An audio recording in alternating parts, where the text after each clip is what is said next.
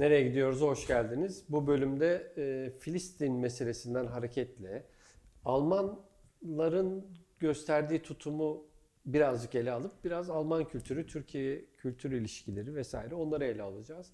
Böyle birazcık kulağa böyle garip geliyor olabilir ama inşallah e, başarılı bir şekilde toparlayacağımızı evet. düşünüyorum yani. Çünkü evet. çok geniş bir tema. Evet. Habermas'tan başlamak istiyorum ben. Yani Habermas işte geçtiğimiz günlerde İsrail lehine bir açıklama yaptı ve entelektüel kamuoyu buna tepki gösterdi ve şaşırdı. Gerçi ben tam bir tepki görmedim yani net bir hmm. şekilde e, bir karşılık gördüğünü fark etmedim. Hiçbir şekilde da. yani hiçbir e, Filistin e, ne diyeyim Filistin karşıtı bir şey söylediğiniz vakit hiç kimse bir şey diyemiyor. Çünkü Filistin karşıtı bir şeye söylediğiniz bir şey direkt antisemitizm olarak algılanıyor ki Almanya'da özellikle böyle. Evet yani Almanya çünkü antisemitizmin merkezi olduğu için e, yani tarih boyunca ve 2. Dünya Savaşı'nda tabii ki en fazla işte Nazilerin iktidarıyla e, o yüzden de hala bu onlarda büyük bir yara ve bundan dolayı da İsrail'in yaptıklarına zaten hani politik olarak da hiçbir şey diyemiyorlar ve İsrail'in aleyhine hiçbir şey zaten Almanya'da söylemek neredeyse imkansız sayılır. Öyle görünüyor yani. Ee, ama benzer şey kültür sanat dünyasında da geçerli. Hani sadece Almanya'da değil mesela Ai Weiwei örneği var aklımda. İşte New York'taki sergisi New York'taydı yanlış hatırlamıyorsam. Ee, işte yani İsrail'i eleştirmek Arap düşmanlığına evriliyor minvalinde bir açıklama yaptı. O yüzden de sergisi iptal oldu. Yani hani böyle sert bir Almanya'da neler e, oluyor? Şey var. E, bariyerler var. Evet, uzun zamandır hani mesela Filistin'le ilgili konuşuyoruz değil mi? Mesela işte sinemasını konuşuyoruz, kültür sanatını konuşuyoruz, modasından da bahsettik mesela. Yani hep öyle bir dönem ki yani her yerden aslında şey okumak mümkün. Yani e, uçlar bir yere mutlaka bağlanıyor. Yani Filistin tek başına bir e, şey savaşı, e, o bölgenin savaşı değil aslında çok fazla bağlantısı olan kültür sanatla bağlantısı var. Yani zaten siyasetle direkt bağlantısı var. modayla, tüketim kültürüyle direkt bağlantısı var. Çok hayatımızın içinde. Bundan kendimizi beri kılamıyoruz yani mümkün değil. Bunlar buraya bağlanıyor hikaye. Bir de hani bu İsrail'e karşı olan tutum yani böyle turnusol kağıdı gibi. Bunu evet değil mi? Ben. Yani hani buradaki burada sen nasıl tepki gösteriyorsun o bir büyük bir gösterge yani. Böyle bir karakteristik bir şey de oluşmaya başladı sanki. Yani nasıl olduğunu da bir e, şeyini çıkartan bir şeydi aynı zamanda kimlik anlamında. Bunu Türk Türkiye olarak biz kendimiz zaten defalarca yaşadık yani o darbe dönemlerinde falan yaşadık. En son 15 Temmuz'da bence yaşandı bu. Yani o kimlik olarak yani sen savunuyorsan başkasın ama bunun karşısındaysan başkasın hikayesi. Ee, çok net e, çizgileri ortaya koydu bence. Benim aklıma böyle Almanya yani Almanya gelince direkt Bauhaus ekolü geliyor. Çünkü ben hani benim çok kişisel tabirimle de bir ilişkisi var. Ben hani grafik tasarım mezunuyum ve liseden e, biz e, üniversitede hazırlık sınavlarında iki üniversiteye çok hani devlet üniversitesi olacaksa artık öyleydi zaten o dönem. E, Mimar Sinan ve Marmara olarak e, ayrılmıştı. Şimdi biz tasarım okuduğumuz için e, daha çok hocalarımız şey seçmemizi isterlerdi. Yani işte Marmara ise endüstri ürünleri tasarımcısı veya işte e, endüstriye dair bir şey yapmak istiyorsanız, iş hayatına atılmak istiyorsanız, tasarım yapacaksınız Marmara Üniversitesi derlerdi. Eğer sanatla ilgili bir şey yapmak istiyorsanız, sanatçı olarak devam etmek istiyorsanız Mimar Sinan derlerdi. Dolayısıyla hani e, sınavları bile çok hani konsept olarak çok farklı. Ya bir tanesi kolaj çalıştırırdı mesela tamamen tasarım odaklı. Endüstri bir tanesi, olan mı Alman oluyor? Evet tabii ki endüstri olan Alman oluyor yani en nihayetinde. Yani Marmara oluyor. Marmara oluyor. ee, bunun bir tarihi var aslında. Yani belki oradan başlayabiliriz tabii ki çok politikte bir tarihi var. Yani işte 1930'lu yıllarda aslında. E, Gene hani, Nazi Almanya'sına dönüyoruz yani. Yani aslında bir nevi öyle diyebiliriz. İşte bu e, Bauhaus Sanat Tasarım Okulu işte e, işte Walter Gropius tarafından aslında ilk önce atılıyor ortaya ve e, e, mimari, tasarım ve sanat dallarını bir araya getirmek. Aslında sanatın işlevselliği meselesi. Yani sanat tasarıma nasıl hayata dahil edilebilir ve nasıl hayat estetik hale, yeni hale getirilebilir. Bu yeni kavramı da çok eleştirilen bir kavram. Çünkü yeni yeni olan tüketilen olandır da aynı zamanda. Yani aslında bir tüketim işte modernleşme diyebileceğimiz e, hikaye götürüyor bize. Ama bir başka açıdan yani Bauhaus'u başka bir politik açıdan okuduğumuzda da yine e, o dönem yine söylüyorum e, faşizm ve aslında komünizm karşısında demokrasi temsil eden bir şey Bauhaus. Diyorlar. Diyorlar hep hemen bir Faşistlerin gözünde de komünizm merkezi. Hemen Evet. bir yüzümüze Zaten Hitler- öyle öyle de Hitler görünen. çünkü o yüzden zaten Bauhaus'u kapatıyor ve işte oradaki e, kadrolar gidip Amerika'ya ve buraya. ve buraya Ve belki hani, hani kültürel hegemonyasının bir parçası aslında Almanya. Yani böylelikle aslında daha e, global bir yani sonuçta kültürel anlamda değil daha çok dünyaya açık bir tasarım anlayışıyla. Çok da kimliklerin de belli olmadığı yani Türk Alman diye bir kimlik değil sadece tasarım adı altında. E, pek çok hani bir de bu konular tartışılıyor. Yani sadece bu işte e, estetik ve biçim üzerinden değil. Yani bu fikirler tartışıldı ve hocaların da buraya getirildi. Yani bir şekilde e, Türkiye, dünya üzerindeki bütün o işte tasarımcı neyse varsa buralarda e, tartışıyorlar bu konuları aynı zamanda. Tabii e, e, hal böyle olduğu zaman hani bu neye hizmet ediyor? Ee, bir dönem işte bizim o zanaatlar dediğimiz aslında çok temel yani çok basit bir kavram olarak sanat ve zanaatı bir araya getiriyor. Diyor ki işte biz aynı zamanda bugün bizim bildiğimiz e, yine zanaat, zanaat olarak algıladığımız marangozluk mesela e, yine işte çömlekçilik, ahşap, metal yani bu me- malzemelerle uğraşan kişileriyle yani sanat fikir üreten kişileri bir araya getiriyor. Şimdi ben tasarım eğitimi aldığım için de bir nevi e, ben bunu destekleyen bir tarafım var. Yani şu açıdan var. Ya ben sanatla zanaatın çok böyle birbirinden ayrı olduğunu, öyle bir dünyada yaşadığımızı gel- kişisel olarak inanmıyorum. Ki tasarım bu zamana kadar hiç sanat olarak görünmezdi ama bakıyorum sanatçılar tasarımcılarla bir araya geliyorlar. Eninde sonunda yani doğal olarak ne kadar ayrışsa da onlar birbirinden. Eninde sonunda birbirlerine geliyorlar çünkü hani yine bir endüstri dediğimiz o yine işte işin ekonomisi, sanat ekonomisi meselesi yine bizi oraya birleştiriyor. Yani biz daha çok ama ben şöyle görüyorum zanaatkarlar sanatkarlara gidiyorlar. O böyle bir tespitim yok ama Yani ben öyle görüyorum. Yani sanatçı gene sanatçılığını korurken zanaatkar e, sanatla daha yani yeni olanla, yeni sanatla yaptığı işi birleştirerek Bauhaus'ta da böyle zaten. Yani hani ortada bir sanat var. Bunu o zanaatle ve endüstriyel üretimle birleştirerek ortaya bir şey çıkartmak. Yani bir sehpa tasarlanıyor değil mi? Ya bunu bir sanatsal ve estetik bir kaygıyla o sehpanın tasarlanması. Sandalye, koltuk tasarlanıyor. Bunun bir estetik kaygıyla yapılıyor olması. Hatta ama tabii ki işlevsel oluyor olması. Tabii ki. Yani altında. zaten sandalye tasarlanacak. Ama bunun bir sanatçının elinde olması sonuçta sandalyenin işlevi belli. Evet. Onu bozmuyorsun. Ama sadece buna bir dokunuş yapıyorsun. Mesela daktilo. Değil mi? Yani e, hani bir sürü şey var. Telefon, hani günlük hayatta kullanılan birçok şey tasarlanıyor Bauhaus'ta. Ee, Bauhaus e, işte Almanya'nın kaybı bizim kazancımız olarak buraya e, bu işte hocaların gelmesi, sanatçıların gelmesi gene işte hani Nazi, Nazi Almanya'sından kaçan e, ne diyelim entelektüellerin ki bunlar Yahudi tabii çoğu. e, bu zaten İstanbul Üniversitesi'nin e, günümüzdeki aldığı halinde e, yani aslında temelleri. Temeli. Evet. İsta- yani oradan kaçanlar buraya da geliyorlar. Yani Almanya entelektüellerini kaçırmakta e, bayağı bir başarılı. Yani yakın zamanda da e, daha iki gün önce e, Arap asıllı bir yazar e, bir Almanya'daki bir üniversite tarafından çağrılmış. E, çok güzel bir cevaben e, bir şey yazmış. E, Twitter'da gördüm ben de. Diyor ki yani tamam hükümetler belki e, hani e, bir takım çıkarları yüzünden e, hani İsrail tarafında olabilir ama Alman akademisinin de yani bu kadar sessiz kalmış olması bu soykırıma e, benim bir Alman üniversitesinde gelip bu konuşmayı yapmamı imkansız kılıyor diyor. E, yani e, bir şekilde e, Almanlar e, yani öyle bir e, acayip bir çıkmaza girmiş durumdalar ki mesela işte hani tamam Filistinli e, yani e, Filistin'e dair bir şey söyleyemiyorsunuz. E, yani Yahudileri bile hatta geçen hani e, kültür manasında söylüyorum oradaki kültür işleri nasıl işliyor. Bir Yahudi yani antisyonist bir Yahudi kültür kuruluşunun e, fonlarını keseceğini açıklamış. Çünkü İsrail tarafında durmadı diye. Yani en son ne zaman acaba e, yani Almanya Yahudilere böyle eziyet etti diye insan e, sor, sormadan edemiyor. Yani Yahudi olmak da önemli değil. Yani antisyonist Aynen olduğunuz olmak. yani e, zaten birisi de şöyle bir şey demiş yani artık e, durum öyle bir noktaya geldi ki e, Yahudi olmayan insanlar Yahudilere sen antisemitsin. Yani Alman beyaz e, Yahudi olmayan bir Alman antisyonist bir Yahudiye sen antisemitsin diyebiliyor. Yani bu noktaya gelmiş durumda.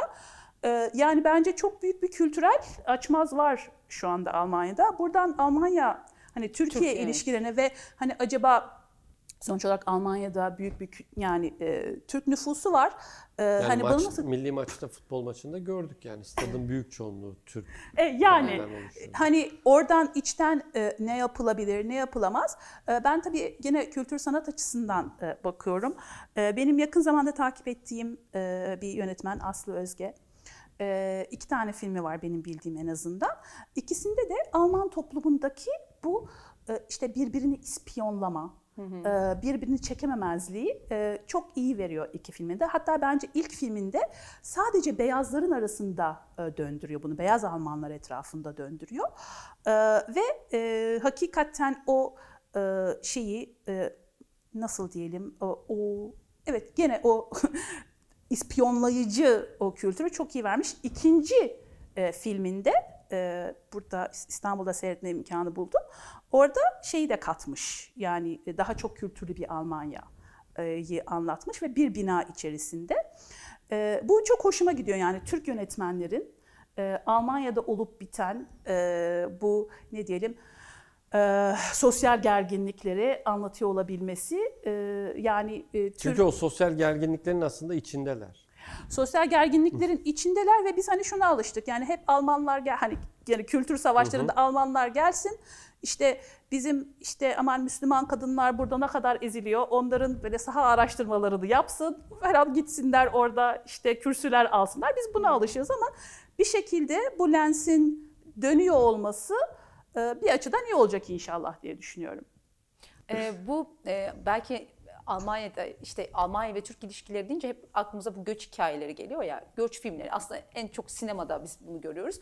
Ama benim e, uzun zamandır da böyle e, izlemek istediğim ama bu vesileyle izlediğim bir belgesel var. Bu Cem Kaya'nın yönettiği 2022'de yaptığı aslında bu Aşk, Mark ve Ölüm belgeseli.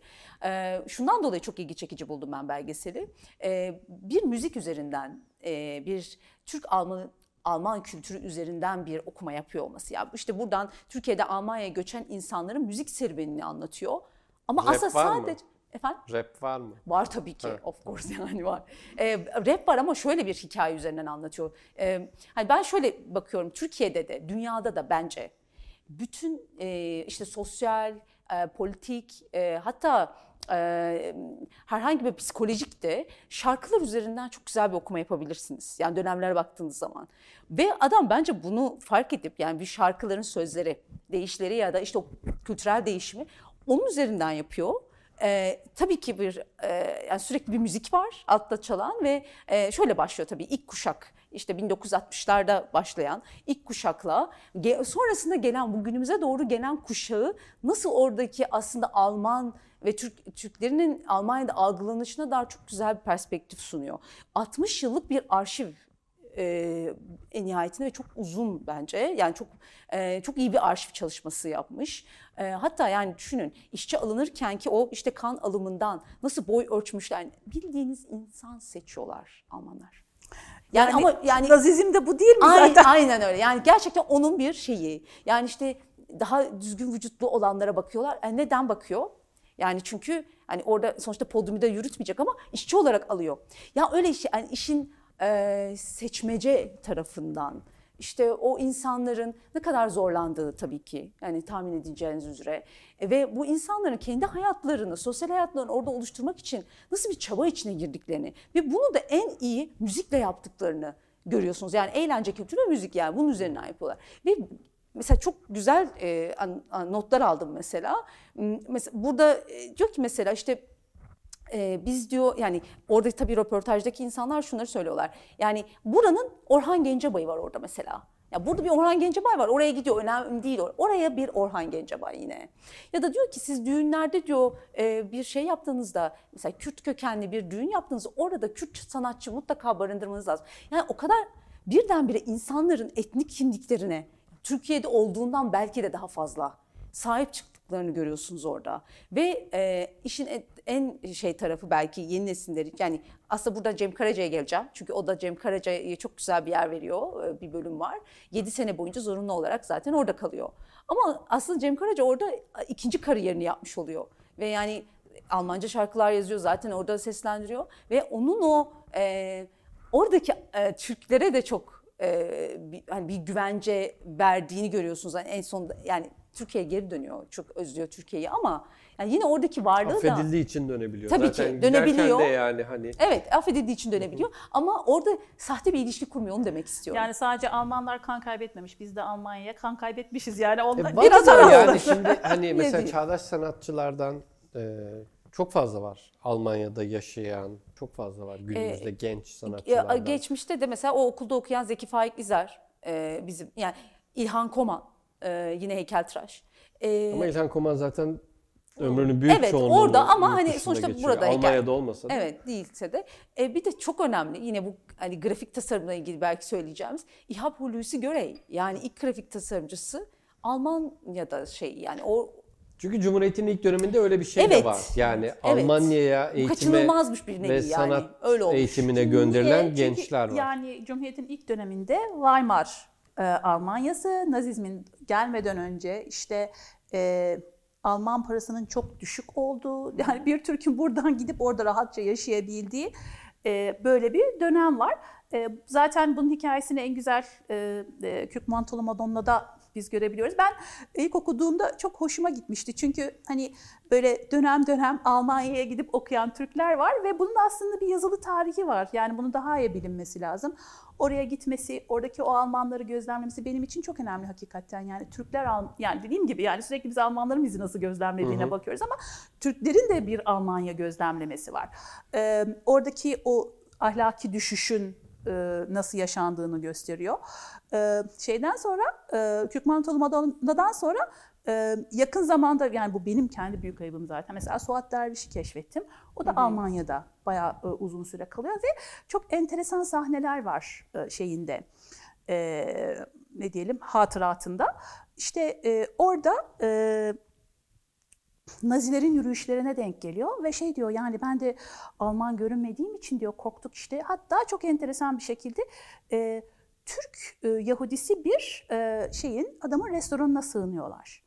E, işte orada biraz muhabbet ediyorlar falan. O nazizmin yükselmesini falan e, çok yakından e, gözlemliyor. Yani aslında Türk Edebiyatı'nda da e, yani Almanya hakkında böyle bilgiler var. E, ama hani bunu biz bir nasıl hani bir tarihi süreklilik içerisinde gözlemlemiyoruz. Yani biz de bakmaya başladık. Yani sırf şimdi değil, eskiden de bakıyorduk Eskiden de bakıyorduk. aslında ama hani bunun bir tarihi yazılmıyor ne yazık ki.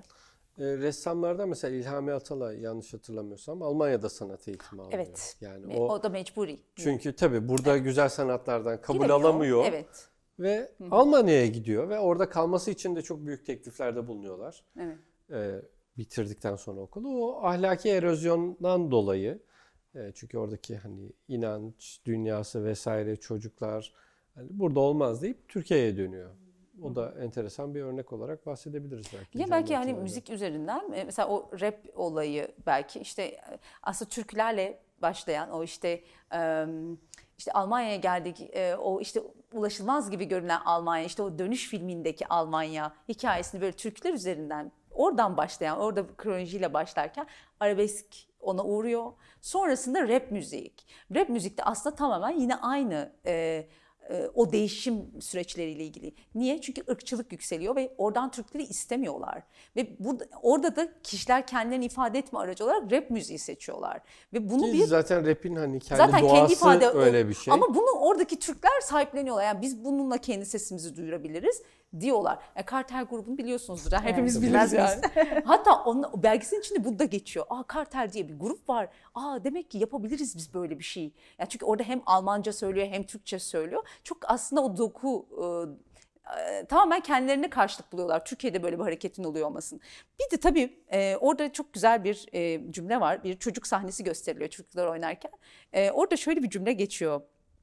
E, diyor ki e, yeni işte Türk yeni kuşağı aslında tarif edecek. Diyor ki yani bu, bu çocuklar kim? E, artık Türk değiller. Hiçbir zaman da Alman olamayacaklar. Yani tamamen bir araf hali. Yani e, ne Türksün ne Almansın. Yani hepimizin tanıdıkları vardı çevremizde. Onu ben de hani kişisel olarak da gözlemliyorum. Yani Türk değil gerçekten çünkü Türk deyimleri bilmiyor. Anlatırken mesela Türk deyimlerini söylüyorsun. Ne demek o diyor ama aslında Türkiye'de yaşıyor. Yani dönmüş oradan bir şekilde orada yaşamış, orada doğmuş büyümüş. Dönmüş Türkiye'ye ama burada Alman da olamaz. Yani Alman da olamıyor burada bir şekilde.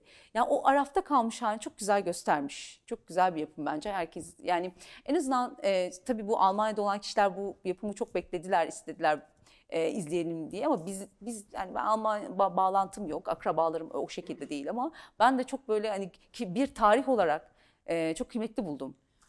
Yani Burada bu şey ya şu politik doğruculuk olarak neyi nasıl adlandıracağız? Hani mesela Türk asıllı Almanyalı gibi işte e, ne bileyim Almanya doğumlu Türk gibi. Hani yani artık o kişi nasıl anılmak istiyorsa evet. ona sorup Onun ancak işte öyle. bir şey yok, doğrusu yok. Yani evet, hani o herkes kişi- için farklı. Herkes için farklı ve çok kafa karıştırıcı. Yani hani birisinden bahsederken de e, böyle deyince acaba hani e, şey yapıyor muyum? Gücendirecek bir şey Evet. mi demiş olurum çünkü.